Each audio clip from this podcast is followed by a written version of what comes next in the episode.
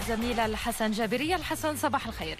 صباح النور شيماء صباحكم سعيد مستمعينا الكرام. مرحبا بكم إلى صباح الرياضة. مستهله بكرة القدم المغربية. بعد إعلان فريق المغرب الفاسي المنافس ضمن أندية القسم الثاني إصابة ستة من أفراده وطاقمه بفيروس كورونا أربعة أيام فقط قبل استئناف منافسات البطولة المغربية في قسمها الثاني وافقت الجامعة الملكية المغربية لكرة القدم على تأجيل لقاء الفريق ضد جمعية سلا في أول جولات الاستئناف التي كانت مبرمجة الأحد القادم. الفريقان معا توصلا بمراسلة من الجامعة.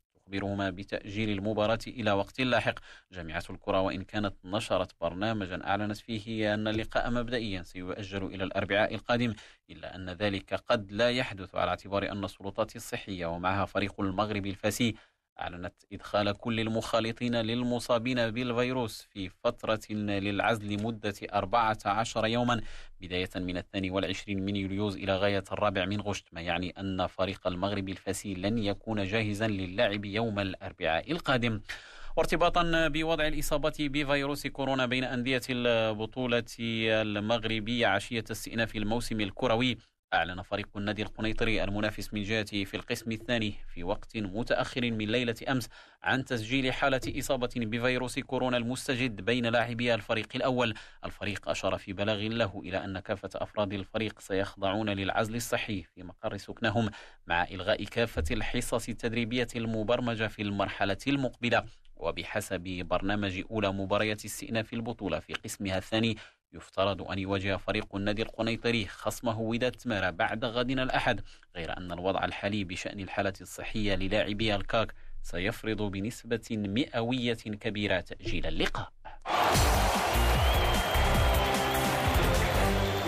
كرة القدم دائما أوروبيا اللحظة والمحطة الأولى الدوري الإيطالي حيث أجل فريق أودينيزي تتويج يوفنتوس رسميا بلقب الدوري ثلاث جولات قبل نهاية الموسم وذلك عقب فوزه عليه أمس لحساب الجولة الخامسة والثلاثين بهدفين لواحد.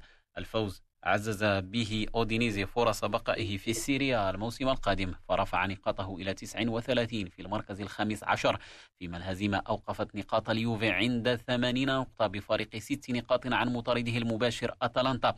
أتلانتا الذي يستهل اليوم مباريات الجولة السادسة والثلاثين حيث يلعب في لقاء قمة أمام سادس الترتيب ميلان. أمس. أيضا لاتسيو قلب تأخره أمام كالياري بهدف إلى فوز بهدفين لواحد. فضمن بذلك لاتسيو البطاقة الرابعة المؤهلة إلى دوري أبطال أوروبا في سيريا الموسم القادم. في إسبانيا أعلن النادي فيريال الإسباني أمس رسميا تعيين المدرب أوناي إمري كمدرب جديد للفريق ليكون بديلا لخافير كايخا. ونشر موقع الفريق على الإنترنت خبر التعاقد مع أوناي إمري موضحا أن مدة العقد تمتد لثلاث سنوات. نختم بالحديث عن رياضة الجولف من الولايات المتحدة الأمريكية. فضمن دوريات الرابطة الأمريكية للاعب الجولف المحترفين PGA تصدر الأمريكي ريشي ويرينسكي منافسات اليوم الأول من بطولة 3M Open التي انطلقت أمس على مسالك TPC Twin Cities شمال غرب مينوسوتا. ويتصدر ريشي الترتيب بثمان ضربات تحت المعدل متقدما بفارق ضربة واحدة عن مواطنه ميشيل تومسون فيما يتقاسم ستة لاعبين المركز الثالث بست ضربات تحت المعدل. يتقدمهما الأمريكي توني فينو. بذلك مستمعين نضع نقطة نهاية صباح الرياضة. أشكركم على طيب الإصغاء والمتابعة.